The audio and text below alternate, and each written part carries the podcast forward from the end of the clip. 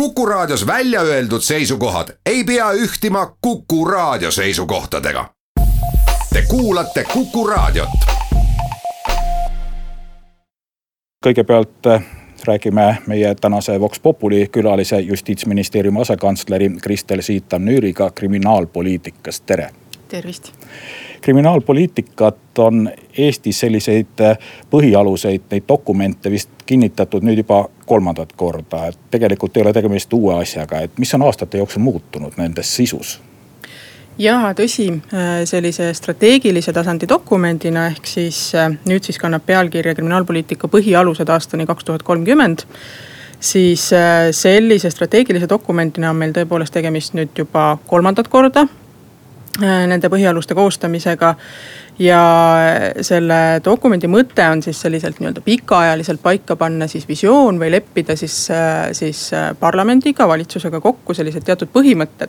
millest me kriminaalpoliitika kujundamisel lähtume. ja kui nüüd võrrelda Äh, aega sellest ajast, kui esimene selline strateegiline dokument äh, vastu võeti. siis tegelikult on olukord äh, selles valdkonnas läinud päris palju paremaks. et me siin ka hindasime, kui me nüüd seda viimast dokumendi kavandit koostasime. siis me vaatasime statistikale põhjalikumalt otsa ja selle nii-öelda kümne aastaga on päris palju muutunud Eesti kriminaalpoliitikas. meil on kuritegevuse tase päris korralikult langenud võiks isegi juba öelda, et kordades meil on äh, raskete vägivallakuritegude tase ehk et tapmiste arv on päris kõvasti langenud. alaealiste poolt toime pandud kuritegusid on oluliselt vähem, ehk et tegelikult see näitab, et me oleme teinud õigeid valikuid ja selle kriminaalpoliitika elluviimise juures ongi oluline, et meil on sellised teatud põhimõtted või, või sellised läbivad jooned kokku lepitud, et kuhu me siis oma ressursi ennekõike paigutame. sest äh, ilmselge, et ressursid on piiratud, äh, nii nagu mujalgi ühiskonnas ja, ja kõigega tegeleda ei jõua. ehk et tuleb seada fookust selle statistika puhul skeptikud ütlevad alati, et kui statistikas mingid reeglid muutuvad, siis kohe muutuvad ka tulemused. siin valdkonnas on ilmselt ka vahepeal midagi muutunud. ja noh, näiteks see, mis puudutab registreeritud kuritegude arvu, siis siin tuleb tõepoolest tähele panna, et, et registreeritud kuritegude arvu mõjutab päris palju see, mis karistusseadustikus kirjas on. ehk et kui me näiteks ütleme ühiskondlikult, et siis läbi seadusandja läbi konkreetse seadusemuudatuse, et näiteks vot sellist liiki tegu enam ei ole karistatav või siis vastupidi, et ütleme, et vot nüüd sellist liiki teod saavad äh, siis teatud ajast karistatavaks. siis see mõjutab loomulikult ka kuritegevuse statistikat. aga me oleme lisaks sellele vaadanud kõrvale ka siis selliseid noh, kuidas ma ütlen, natukene selliseid pehmemaid väärtusi või pehmemaid valdkondi. ja muuhulgas näiteks on siis selline üsna sellistel samadel alustel tehtav uuring, mis puudutab elanikkonnaküsitlusi. näiteks selle kohta, et kui turvaliselt inimene ennast tunneb siis oma kodu ümbruses näiteks pimeda aja saabudes. see on siis selline äh, küsimus, mida tegelikult, äh, kus me saame andmeid võrrelda ka muu Euroopaga Äh, ja mida on tõesti aastate-aastate jooksul üsna samal moel äh, küsitud ja ka siin on olukord paremaks läinud, ehk et üha rohkem inimesi tunneb ennast pimedal ajal kodu ümbruses turvaliselt. kas ka nendes kõige kriminogeensemates piirkondades? eks siin on piirkondade erisused loomulikult, et, et noh, loomulikult Eesti vaatest on ju teadaolevalt kindlasti Ida-Virumaa üks meie murekoht ja teine on siis pealinn, mis on ka noh, teatavas mõttes loogiline, et. et loomulikult nendes valdkondades on või, või nendes piirkondades on kindlasti rohkem ette võtta ja seal need näitajad võib-olla nii head ei ole aga nüüd sellest dokumendist veidike lähemalt äh, sätestatakse visioon ja eesmärk ja kriminaalpoliitika prioriteedid. millised need prioriteedid siis uue dokumendi kriminaalpoliitika põhialuste järgi on? Need prioriteedid võib jagada laias laastus kolmeks esimene prioriteet on siis see, et me tahame, et meie kriminaaljustiitssüsteem oleks selline võimalikult tõhus, võimalikult kiire, efektiivne. et ta oleks sõltumatu, äh, mis on ka täna kindlasti väga oluline. ja et ta oleks inimese keskne mm, inimese keskne siis igas mõttes nii arvestaks siis kannatanu huvidega, tunnistaja huvidega. kui ka peaks silmas siis näiteks süüdistatava, kahtlustatava põhiõigusi. et see on siis esimene plokk või esimene prioriteet teine prioriteet, nad ei tule nüüd tähtsuse järjekorras kindlasti. aga, aga teisena me toome siis välja kindlasti lapsed ja noored ehk et see on valdkond, kuhu me peame üha rohkem tähelepanu pöörama. me peame vältima laste ja noorte sattumist äh, kriminaaljustiitssüsteemi. ehk siis vältima seda, et nad üldse õigusrikkumise toime paneksid. Äh, see tähendab kindlasti väga palju valdkondade ülest koostööd. Äh, on ju selline täiesti noh teada tõde, et hea kriminaalpoliitika on hea haridus- ja sotsiaalpoliitika. ja vot laste ja noorte juures me peame just rääkima väga paljugi sotsiaalpoliitikast, väga palju hariduspoliitikast. ja loomulikult ka siis äh, kodusest kasvatusest ja üldse väärtushinnangutest. ja kolmanda plokina oleme siis välja toonud siis selles äh, strateegiadokumendis äh, põhimõtteliselt siis karistussüsteemi korduvkuritegevuse ennetamise, ehk et vältida seda näiteks, et isik, kes juba on sattunud siis kohtu ette või lausa vangi, vangi, siis et tema nüüd sealt vabanedes ei paneks toime uut kuritegu ja siis ka laiemalt siis üldse ka sellise esimest korda toimepandava kuriteo vältimine või ennetamine. ehk et me tahame, et karistussüsteem oleks siis võimalikult selline no võib-olla on hea kasutada väljendit individuaalne ehk et, ehk et ta arvestaks siis karistust mõistes äh, juba ette isiku riskidega tema võimalustega, ehk et me nii-öelda nagu ühe puuga ei mõõdaks kõigile. vaid arvestaksime siis selle konkreetse õigusrikkuja juures, et mis on temale kõige sobivam karistus, et, et vot sellist karistust mõistes. Äh, me suudame kõige paremini siis tegeleda selle probleemiga, et, et mis temal on. raadio Kuku.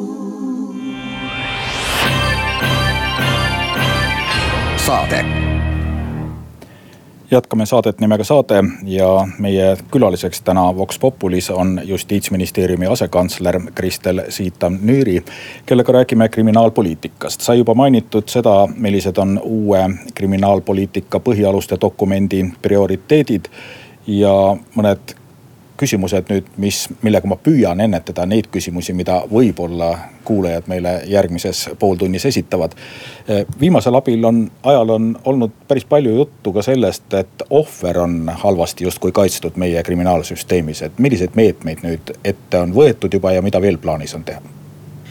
jaa, süüteomenetluse ja kriminaalmenetluse ohvri kesksus või ohvrile suurema tähelepanu pööramine on kindlasti üks meie prioriteet ma usun, et siin on tegelikult viimaste aastate jooksul päris palju muutunud ja päris palju paremaks läinud. ja, ja ma usun, et menetlejad oskavad ka igapäevases töös üha rohkem nii-öelda teadvustada seda teemat. et kui noh, ütleme, et uurijale või prokurörile niimoodi oma igapäevatööd tehes noh, tema jaoks on see selline, ongi igapäevane töö ta on harjunud nende teemadega, nende mõistetega, selle keelega, mida ta räägib äh, ja nii edasi. aga ta peab endale teadvustama, et, mm, et põhimõtteliselt see ohvri kohtlemine, noh, ütleme, et jättes nüüd kõrvale võib-olla siin päris sellised rasked vägivallakuriteod. aga suur osa sellest on, algab tegelikult juba ka sealt, et kas ohver saab aru, mis keeles temaga räägitakse. ma ei pea siin silmas seda, et kas räägitakse vene, eesti või inglise keeles, vaid sellest, et kas ta saab aru menetluse mis menetluses toimub. justiitskeel on sageli just, keeruline. just nimelt, et justiitskeel on keeruline ja eks menetlejad on harjunud seda rääkima, et, et, et see on juba selline noh, näiteks hästi lihtne asi Mm, või hästi lihtne meede, millega saab igapäevaselt tegeleda. see ongi ühest küljest siis menetlejate teadlikkuse tõstmine, et nad mõtleksid selle peale oma igapäevatöös. ja, ja, ja teisalt ka loomulikult siis koolitamine üldse siis selline noh, see kindlasti eeldab seda, mille, mida on ka hea meel tõdeda, näiteks, et politsei ja prokuratuuri juhtkond on täna siin väga pardal. ehk et ka nemad peavad seda teemat väga oluliseks ja, ja noh kui nende tuge on, tugi on olemas, siis see loomulikult levib ka allapoole, nii et, et ma usun, et siin on olukord kõvasti paremaks läinud aga see ei tähenda loomulikult seda, et, et me võiksime nüüd siin jala sirgu lasta ja öelda, et, et kõik on korras. vastupidi, meil on siin hästi palju veel teha meil on päris hea koostöö siin ka sotsiaalministeeriumi haldusalaga, siis Sotsiaalkindlustusametis on ju teatavasti meil ka ohvriabiosakond ja, ja ka nendega me teeme tihedat ja igapäevast koostööd ja, ja otsime siis ka neid võimalusi, et, et kuidas ohvrit tõepoolest äh, paremini kohelda äh, kuidas ohver saaks menetluse käigus ära kuulatud. Äh, seesama, et, et ta saaks aru, mis temaga toimub. Muuhulgas oleme siin rääkinud näiteks sellest, et, et, et kas ja mis juhtudel võiks ohvril olla kõrval siis selline, miks mitte ka vabatahtlik tugiisik ehk et kes noh, piltlikult öeldes tal siis kõrvalt nii-öelda kätt hoiab ja teda aitab siis selles protsessis, et see ei pea olema üldsegi mitte riiklikult üles ehitatud teenus, loomulikult on siin vaja sellist väikest võib-olla nügimist, et see asi nagu käima lükata. aga see on võimalik, päris mitmetes riikides seda tehakse vabatahtlikult ehk et ongi olemas sellised inimesed, kes siis tulevad ohvritele appi ja teda siis läbi protsessi selles mõttes toetavad, et, et, et aitavad teda infoga, vastavad tema küsimustele ja nii edasi. ja, ja tõesti selle valdkonnaga me tegeleme, et, et siin on äh, pidevalt äh, meil kogu aeg arutelusid siin just nimelt Sotsiaalkindlustusametiga, ohvriabiga.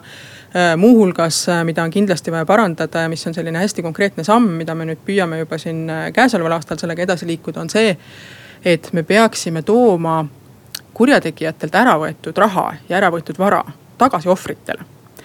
ehk et täna on ohver tegelikult kriminaalmenetluses selles mõttes suhteliselt üksi, kui ta esitab näiteks kahjunõude on temalt siis midagi varastatud või on talle vägivallaga tekitatud mingisugune tervisekahju, mis toob talle kaasa lisakulud. et meil on olemas küll süsteem läbi ohvriabi, kus ta saab siis teatud kulusid tõepoolest ka riigiabiga tagasi nõuda. aga sisuliselt ei ole meil täna mitte mingisugust linki selle vahel, et näiteks, et me võtame kurjategijatelt ära mingit vara, näiteks konfiskeeritakse äh, neilt mingit kuritegelikku vara, siis see ei jõua täna ohvriteni ja see on nüüd üks, äh, üks tegevus, mida me, millega me siin tõepoolest juba käesoleval aastal tahame edasi liikuda. ehk et tekitada selline süsteem, et äh, kui näiteks siin konfiskeeritakse meil aasta jooksul noh, keskmisel siin paari miljoni suurusjärgus näiteks paari miljoni euro eest vara. Äh, see on siis selline, siis see paar miljonit on siis selline raha, mis, äh, mis me tegelikult ka päriselt tagasi saame, sest noh, üks asi on konfiskeerimine, teine asi on siis see, et kui palju me siis päriselt selle eest raha saame. ja, ja noh, kui rääkida siin paarist miljonist ja tuua see tagasi ohvritele, siis see oleks ju väga suur samm lisaks on see, et meil mõistetakse täna igalt süüdimõistetult äh, kurjategijalt mõistetakse välja sundraha. Äh, ka need ei ole väiksed summad äh, ja tegelikult, kui see sundraha instituut loodi siin palju aastaid tagasi, siis juba siis oli tegelikult juttu, et ta võikski saada seotud siis sellega, et, et suunata seda raha ohvritele tagasi, et ohvrid saaksid oma kahjud hüvitatud ja nii edasi siis, äh, siis täna ei ole tegelikult siin sellist head süsteemi loodud, et nagu ma ütlesin, et ohvriabi on olemas ja teeb väga tänuväärset tööd ja ohvriabi poole pöördumine on kõvasti kasvanud. mis omakorda näitab, et teadlikkus on paremaks läinud tegelikult äh, kannatanute hulgas ja see on väga hea aga, aga me tahame nüüd teha tõesti ettepanekud, et, et riigieelarveliselt me siis ka selle ära võetud ja konfiskeeritud vara äh, ja kurjategijatelt välja mõistetud summad saaksime tagasi tuua ohvritele, on ta siis nüüd mõeldud nende kahjude hüvitamiseks, nende psühholoogiliseks nõustamiseks ja nii edasi, nii et mõtteid meil siin on kahjude hüvitamiseks tundub, et see kaks miljonit aastas võib olla väga väike summa. muide ei pruugigi olla, sest et me oleme siin vaadanud äh, ja, ja proovisime ka nii-öelda saada sellist pilti ette, et kui suured need kahjusummad on, mida, mida siis äh, tsiviilhagidena esitatakse kriminaalmenetluse käigus. ja need ei olegi keskmiselt teab mis suured tegelikult, et loomulikult on selliseid ühekordseid asju, kus on noh väga-väga-väga suured kahjud.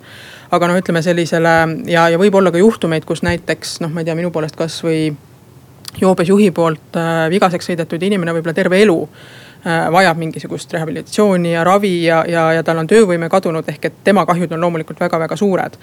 aga, aga üldiselt selline keskmine tsiviilhagi tegelikult kriminaalmenetluses ei olegi nii hirmus suur. küll aga ta võib, noh, me peame nagu arvestama ka sellega, et, et võib-olla meile võib-olla tundub, et mõne inimese selline paari tuhande eurone kahjuhüvitis, et noh, see ei olegi ju teab mis suur. aga võib-olla on see temale noh, täiesti määrava tähtsusega või näiteks kui temalt varastati näiteks äh, inimene, kes elab maal ja käib tööl jalgrattaga ja tal see jalgratas ära varastatakse, ta võib-olla ei saagi enam tööl käia.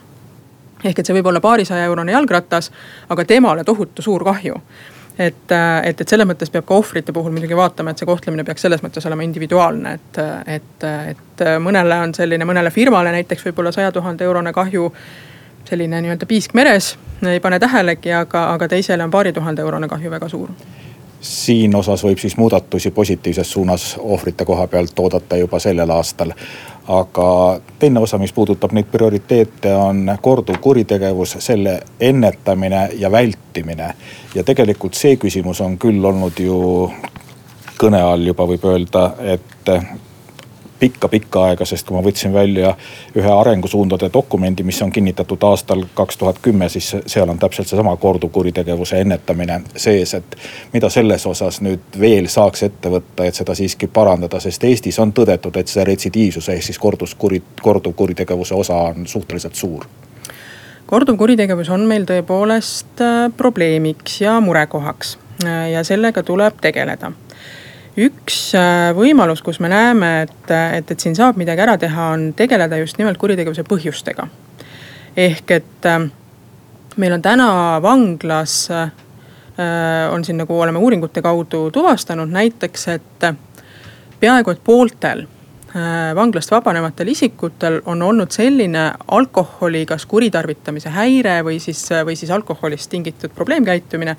et kui nüüd näiteks nende ja sõltuvuse ja vaimse tervise probleemidega tegeleda, siis see võiks olla kindlasti üks meede, kus me saame korduvkuritegevust paremini ennetada. raadio Kuku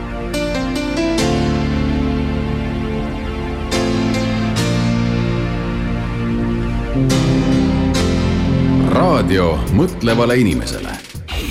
Te kuulate saadet. saate külaliseks on täna stuudios justiitsministeeriumi asekantsler Kristel Siitam-Nüüri ja räägime kriminaalpoliitikast. selles valguses, et eile kiitis valitsus heaks kriminaalpoliitika põhialused aastani kaks tuhat kolmkümmend. seal on sätestatud ka prioriteedid ja eesmärgid, aga meil on selles saate pooltunnis kuulajate küsimuste aeg ja meie telefon kuus, kakskümmend üks, nelikümmend kuus, nelikümmend kuus ongi juba helisenud, nii et kuulame küsijat, tere.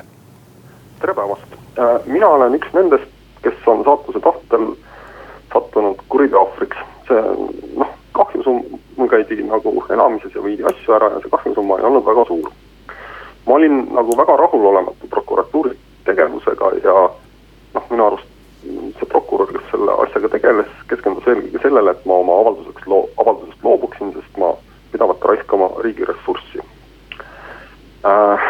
selle kohta ma kirjutasin siis ka Lavly Perlingule nagu noh, kaebuse ja kummaline on see, et sellele kaebusele vastas seesama prokurör, noh, kellele, kelle kohta ma, kelle töö kohta ma nagu noh, sellise negatiivse arvamuse äh, esitasin ja noh, see vastus oli minu arust väga noh, selline ülbe minu, minu seisukohalt. minu küsimus on, kas see on normaalne, et äh, prokurör äh, noh, survestab kuriteo ohvrit äh, oma kuriteoavaldusest loobuma, mul jäi selline mulje, et see võib-olla parandaks neid numbreid, mis, mis seal statistikasse lähevad.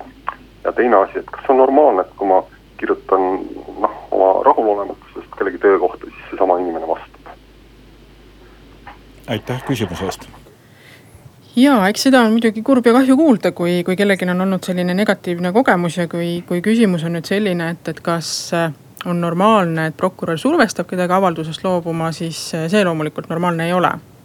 et tõsi, eks prokurör võib seal selgitada erinevaid äh, võimalusi, et, et kui perspektiivikas see menetlus on ja nii edasi, aga, aga noh, avaldusest loobumise survestamine kindlasti mm, hea ei ole noh, ise ma ju selle juhtumi juures ei ole olnud, et, et ma ei tea, kas siin on tegemist sellise, pigem sellise kommunikatsioonihäirega või, või, või, või mis seal siis taga päriselt oli.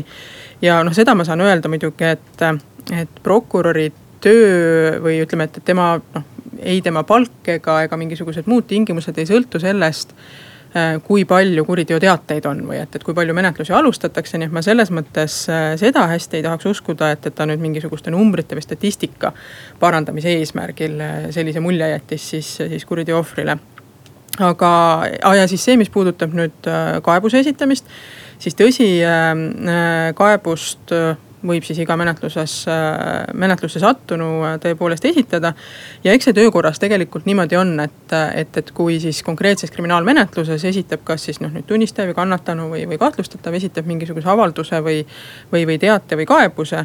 siis ta esmajoones ikka liigub tõesti siis sellele samale prokurörile, kes siis, kes siis selle, selle kaebuse üle vaatab ja siis oma seisukohta avaldab. aga ka tema vastuse peale on kindlasti võimalik kaevata nii et, et kui seal nüüd ei ole mingisugused tähtajad mööda lastud või midagi sellist, siis, siis soovitan vaidlustada, kui, kui inimene tunneb ikkagi, et talle on liiga tehtud. Ootame siis järgmisi küsimusi. Kuus, kakskümmend üks, nelikümmend kuus, nelikümmend kuus ja märgin veel ära, et eelistatud on sellised küsimused teie poolt, mis puudutavad kuritegevuse ennetamist, vältimist, mitte konkreetseid juhtumeid, mis kunagi juba on olnud, aga kuulame järgmist helistajat, tere ja tervist, tervist, aga minul on ka just äh, konkreetne juhtum ja kuna on, kuna on äh, ministeeriumi asekantsler, siis asi läks ju ministeeriumisse välja, nimelt jättis riigi peaprokurör toonane Norman Aas minu korrektselt digiallkirjastatud teabenõudele üldse vastamata. mille peale mina tegin kaebuse, äh, palusin algatada justiitsministeeriumil järelevalvemenetlus ja järelevalvemenetlus päädis siis sellega, et mulle tuli vastus, aga te olete ju prokuröridega suhelnud punkt. kuidas, kuidas teie kommenteerite, proua asekantsler? eks teabenõudele vastamiseks on ette nähtud tähtajad ja oma kord ja kõigile ametiasutustele laekunud teabenõuetele loomulikult tuleb siis ette nähtud korras vastata töö käigus võib muidugi kõike juhtuda, läheb kaotsi kiri, läheb kaotsi teabenõue või läheb kaotsi vastus. ja, ja noh, selles mõttes on siis õigustatud, et kui inimene siis pöördubki kas siis kõrgemate instantside või, või prokuratuuri, noh kust iganes ta siis seda vastust ootas ja, ja küsib siis äh, siis uuesti, aga noh, loomulikult jällegi sellist konkreetset juhtumit ilma selle täpsemaid asjaolusid teadmata on mul keeruline täpsemalt kommenteerida kuus, kakskümmend üks, nelikümmend kuus, nelikümmend kuus on meie telefon ja ootame küsimusi, mis puudutab kuritegevuse ennetamist, kriminaalpoliitikat laiemalt, kuulame järgmist helistajat. tere. tere päevast. minul on ka analo-, analoogne juhus olnud ja, ja minu meelest, kui te ei oska seda lahendada, lahendada nii ülbelt seal vastate, siis te võiksite töölt, töölt ära, ära minna teist töökohta. hallo, nägemist sellel helistajal ei olnud üldse küsimust ja jätame selle kommentaari ka siin ütlemata vaatame, kas järgmised küsimused tulevad siis konkreetsemalt kriminaalpoliitika ja kuritegevuse ennetamise ja vältimise kohta. kuus, kakskümmend üks, nelikümmend kuus, nelikümmend kuus on helisenud, tere. hallo. ja kuulame teid. olen kuuldav jah ja.? Äh, tähendab, inimesed tõesti küsisid äh, noh teemal, et kui nad, kui nad on kannatada saanud ja ja minul on ka selline küsimus, et eh, karistusseadustikku olete teie koostanud ja seal on väga hea paragrahv olemas, et kui on kohtunik teadvalt vale otsuse teinud, siis ta kuulub ju, tähendab, see on kriminaalkuritegu, nii. mina ise ei taibanud ega osanud seda teha, vaid kriminaaluurija Põhja prefektuurist ähm, esitas kaitsepolitseile sellise avalduse, et tema leiab, et ongi kohtunik teinud vale otsuse mul oli korter müüdud ja, ja tähendab, ise müüsin korteri ja ma ei ole tänase päevani raha saanud selle korteri eest, sellise otsuse tegi kohtunik. ja, ja, ja tähendab, Sinisalu äh, leidis hoopis midagi muud, rääkis äh,, rääkis hoopis midagi muud ja ta ei alustanud, tähendab kriminaalmenetlust, ei alustanud, ei uurinud asja edasi. et, et kuidas ikka niimoodi saab? Ja mina müüsin korteri ja pidin tänavale astuma, korralik inimene. Ja kogu minu vara võeti ära ja ma ei olnud kellelegi võlgu. Ja nüüd tänase päevani, kui ma püüdsin seda, mulle öeldi, et see ei ole üldse kriminaalasi, et see on äh, tsiviilasi ja äh, tsiviilkohus menetlusse asja ei võta. ja, ja kuidas siis sellised asjad siin riigis on, et meile, meil on igatahes tõesti nii, et, et rohkem on seda ülekohut äh, kõikides asjades, näiteks notar eksis, kohtutäitur eksis, kõik tegid kurja, maakler eksis ja, ja mul ei ole mitte kuskile, ma ise ei taibanudki ja ometi uurija esitas kaitsepolitseile avalduse. Ja kõik see on sinna paika jäänud, kuhu tuleb pöörduda Eestis, siin on kuritegevus ikka kohutavalt suur. väikesed sulid ripuvad võrra, võllas, aga suured sulid sõidavad tõllas. aitäh, küsimus oli vist see, et kuhu tuleb pöörduda jah, noh jällegi tuleb tõdeda, et on muidugi kahju, kui inimene tunnetab sellist äh, ülekohut ja ka seda, et, et, et riigi instantsid temaga ei, ei ole võib-olla siis piisavalt tegelenud. ja temaga ka piisavalt suhelnud, äh, aga noh, jällegi, eks siin raadioeetri kaudu ei saa me ju konkreetseid äh, juhtumeid niimoodi sisuliselt lahendada.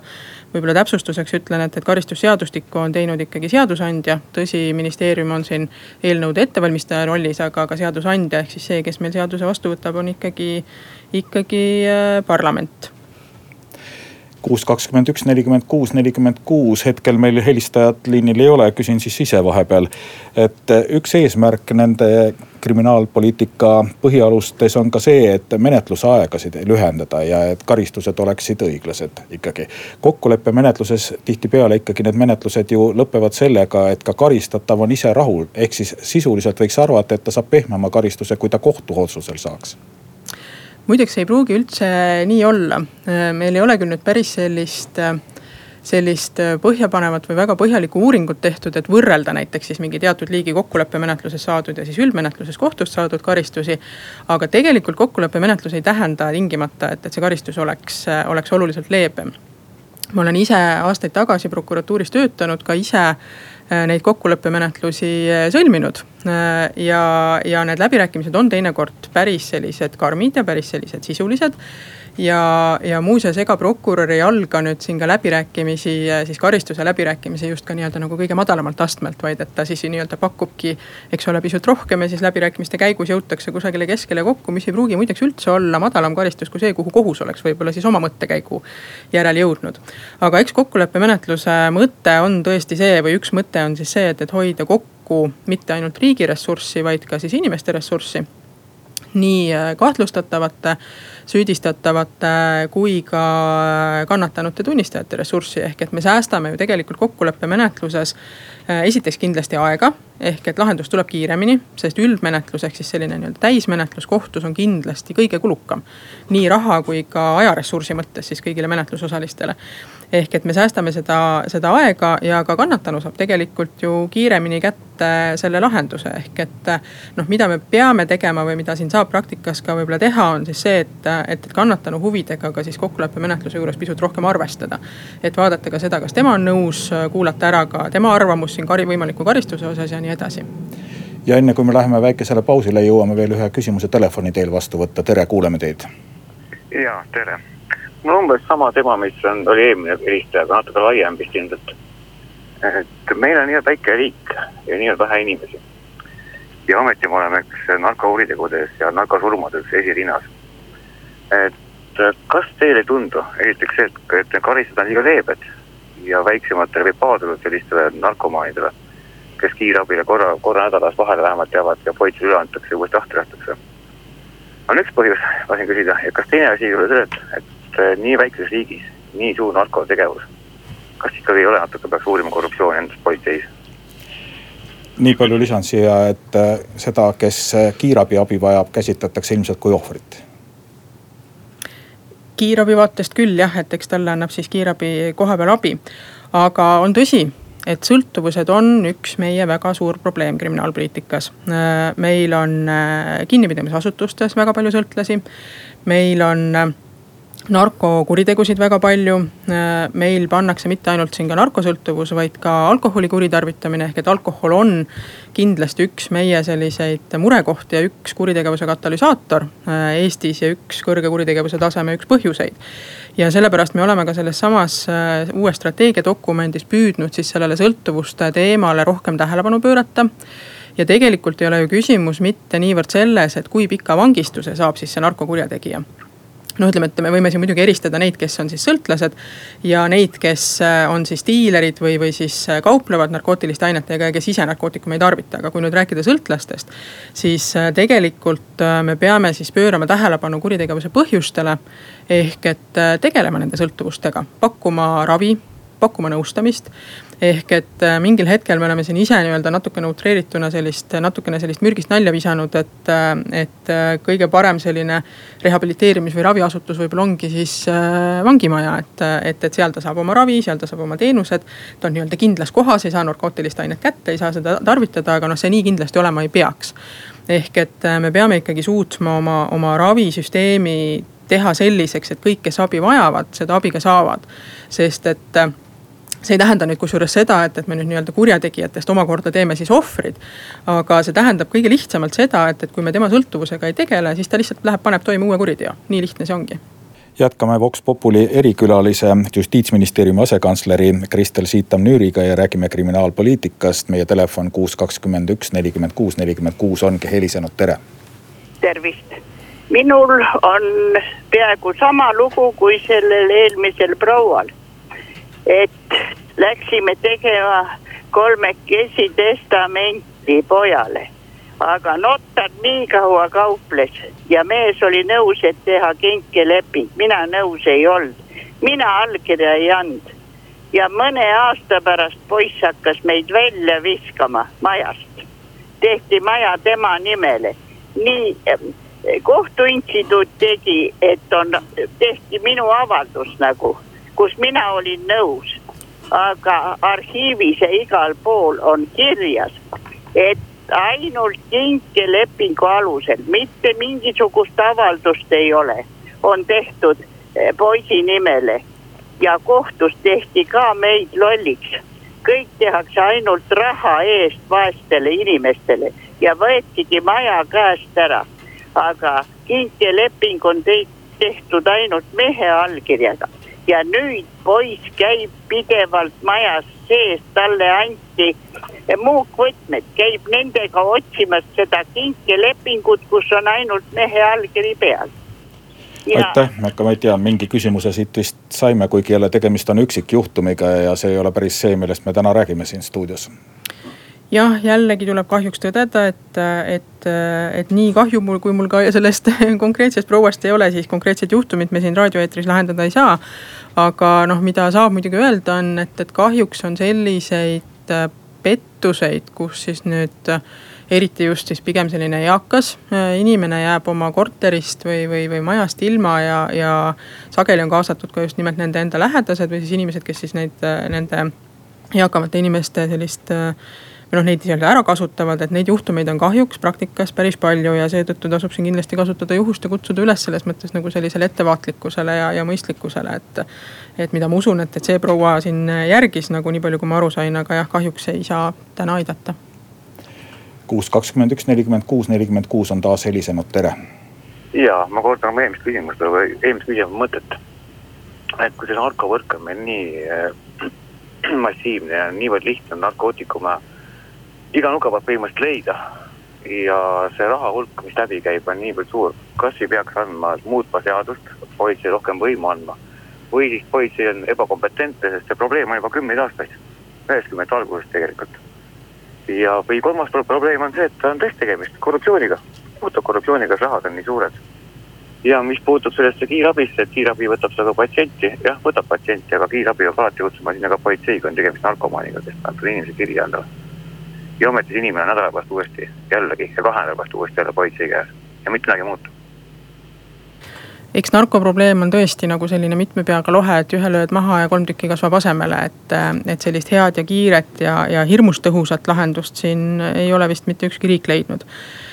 mis puudutab nüüd võimalikku korruptsiooni politseis, siis siit sellesse ma kindlasti isiklikult ei usu. loomulikult alati võib olla mingisuguseid erandeid ja hinnatud juhtumeid. Aga iseenesest ma usun, et tegelikult on meie politsei sellist nii-öelda suurt pilti vaadates päris head tööd teinud. Äh, kasvõi kui siin meenutada siin mõne aja tagust olukorda, kus õnnestus tegelikult Eesti turult mõneks ajaks välja lükata fentanüül. Äh, teatavasti meil ju siis fentanüüli äh, surma surid just paljud isikud, kes siin, kes siin üledoosid said. nii et tegelikult teeb politsei päris head tööd ja loomulikult on see seotud ressurssidega. Ehk et, ehk et väikse riigina on meil ressursid piiratud kui oleks äh, menetlusasutustel rohkem ressurssi, kui meil oleks ressurssi riigina rohkem selles, et panustada tõesti sõltlaste ravimisse ja nii edasi.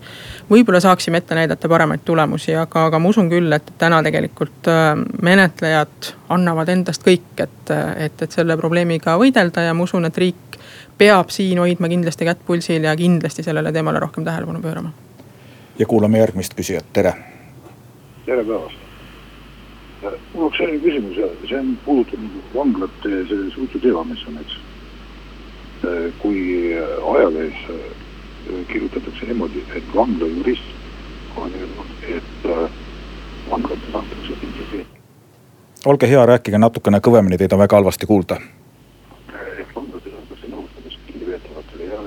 kahjuks me peame selle kõne katkestama, sest me ei kuulnud seda helistajat, aga ehk teil õnnestub meile uuesti helistada. kuulame, mida järgmine helistaja tahab küsida, tere.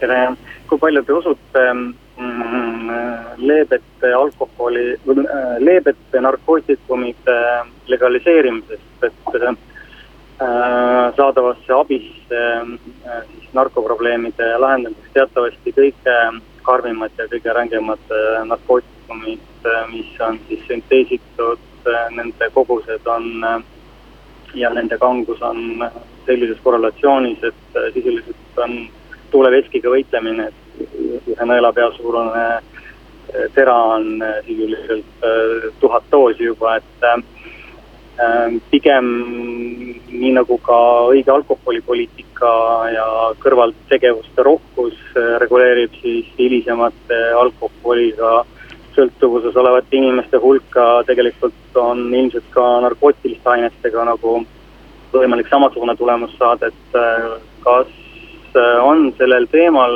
äh, teil midagi öelda, arvata? aitäh selle küsimuse eest. kui rääkida leebematoimeliste narkootiliste ainete legaliseerimisest, siis mina seda isiklikult kindlasti ei toeta. ma arvan, et me ei ole ühest küljest Eestis selleks valmis ja, ja teisest küljest ma arvan, et, et me saamegi nüüd siin, teatavasti on ju maailmas riike, kes on legaliseerinud, ennekõike räägitakse siin kanepist, eks ole Äh, ma arvan, et meil on kindlasti hea võimalus vaadata, mis mõjusid see nendes riikides kaasa toob. Äh, aga ma usun, et, et meil on sellisteks otsusteks veel ilmselgelt äh, liiga vara. küll aga pooldan ma seda, et, et, et me ei pea siis, siis iga nii-öelda narkoaine tarvitajat siis tingimata karistama, vaid et me peamegi ta suunama siis, siis õigete teenuste ja ravi juurde. ta peab saama kas siis nõustamist, tal peab olemagi võimalik pöörduda, kui ta ise vähegi selleks valmis on, pöörduma ravile. ja see oligi see, mis ma rõhutasin, et, et, et riik peab selle teemaga tegelema, me peame suutma tagada piisavalt ravikohti, sest meil ei ole neid täna tegelikult piisavalt. ehk et meditsiinisüsteem peab sellele, sellele ka nii-öelda jõuliselt ja tugevalt reageerima aeg läheb kiiresti edasi, aga ühe helistaja küsimuse jõuame veel ära kuulata, tere. halloo. halloo, tere päevast. Eh, kuna täna on siin saates läbijooksjooneks olnud selline asi, et vanainimesed on saanud petta ja notarid on mänginud nende varanduse nii-öelda valedesse kätesse. on mul selline küsimus, et kelle poolde tuleks pöörduda, et sellised võltsnotarid nagu võtta vastutusele ja neid karistada, aitäh kui nüüd on tegemist mingi sellise juhtumiga, kus võib nüüd siin päriselt juba kahtlustada mingeid võltsitud dokumente või kuritegu, siis võib pöörduda politseisse või prokuratuuri. kui aga on siis sellised pigem võib-olla sellised üldisemad etteheited, siis kindlasti võib pöörduda ka justiitsministeeriumisse. et ka meie vaatame siis sellele teemale otsa, et, et kas tegemist on mingi sellise süsteemsema teemaga või on siis tegemist probleemiga, mis puudutab nüüd juba siis konkreetsemat notarit. ja nüüd on aeg kas kahjuks nii kaugel, et peame tänase küsimuste vooru lõpetama. Lühike kokkuvõte. Kriminaalpoliitika põhialuste dokument on ikkagi avatud ja igal aastal vaadatakse seda tõenäoliselt ka ümber ja tehakse sinna vajalikke täiendusi ja parandusi no me oleme küll mõelnud, et, et, et kui me ta nüüd juba siin parlamendis kokku lepime, siis, ähm, siis ta võiks olla jah, selline pikaajaline dokument, siis sellepärast on meil ka ta siis suunatud aastani kaks tuhat kolmkümmend. ehk et me nüüd päris iga aasta neid muudatusi siin ei planeeri, aga loomulikult, kuna me peame kaasas käima siis kõikide nii-öelda muudatustega, on nad siis globaalsemad muudatused või, või ühiskondlikud muudatused, tehnoloogia muudatused, siis, ähm, siis loomulikult äh, siin võib muudatusi ette tulla. aga nüüd, mis edasi juhtub, ongi siis jah see, et valitsus on ta heaks kiitnud ja, ja sügisel läheb siis minister tutvustama neid põhimõtteid fraktsioonidesse parlamendis. ja ootame põnevaid arutelusid just nimelt äh, parlamendis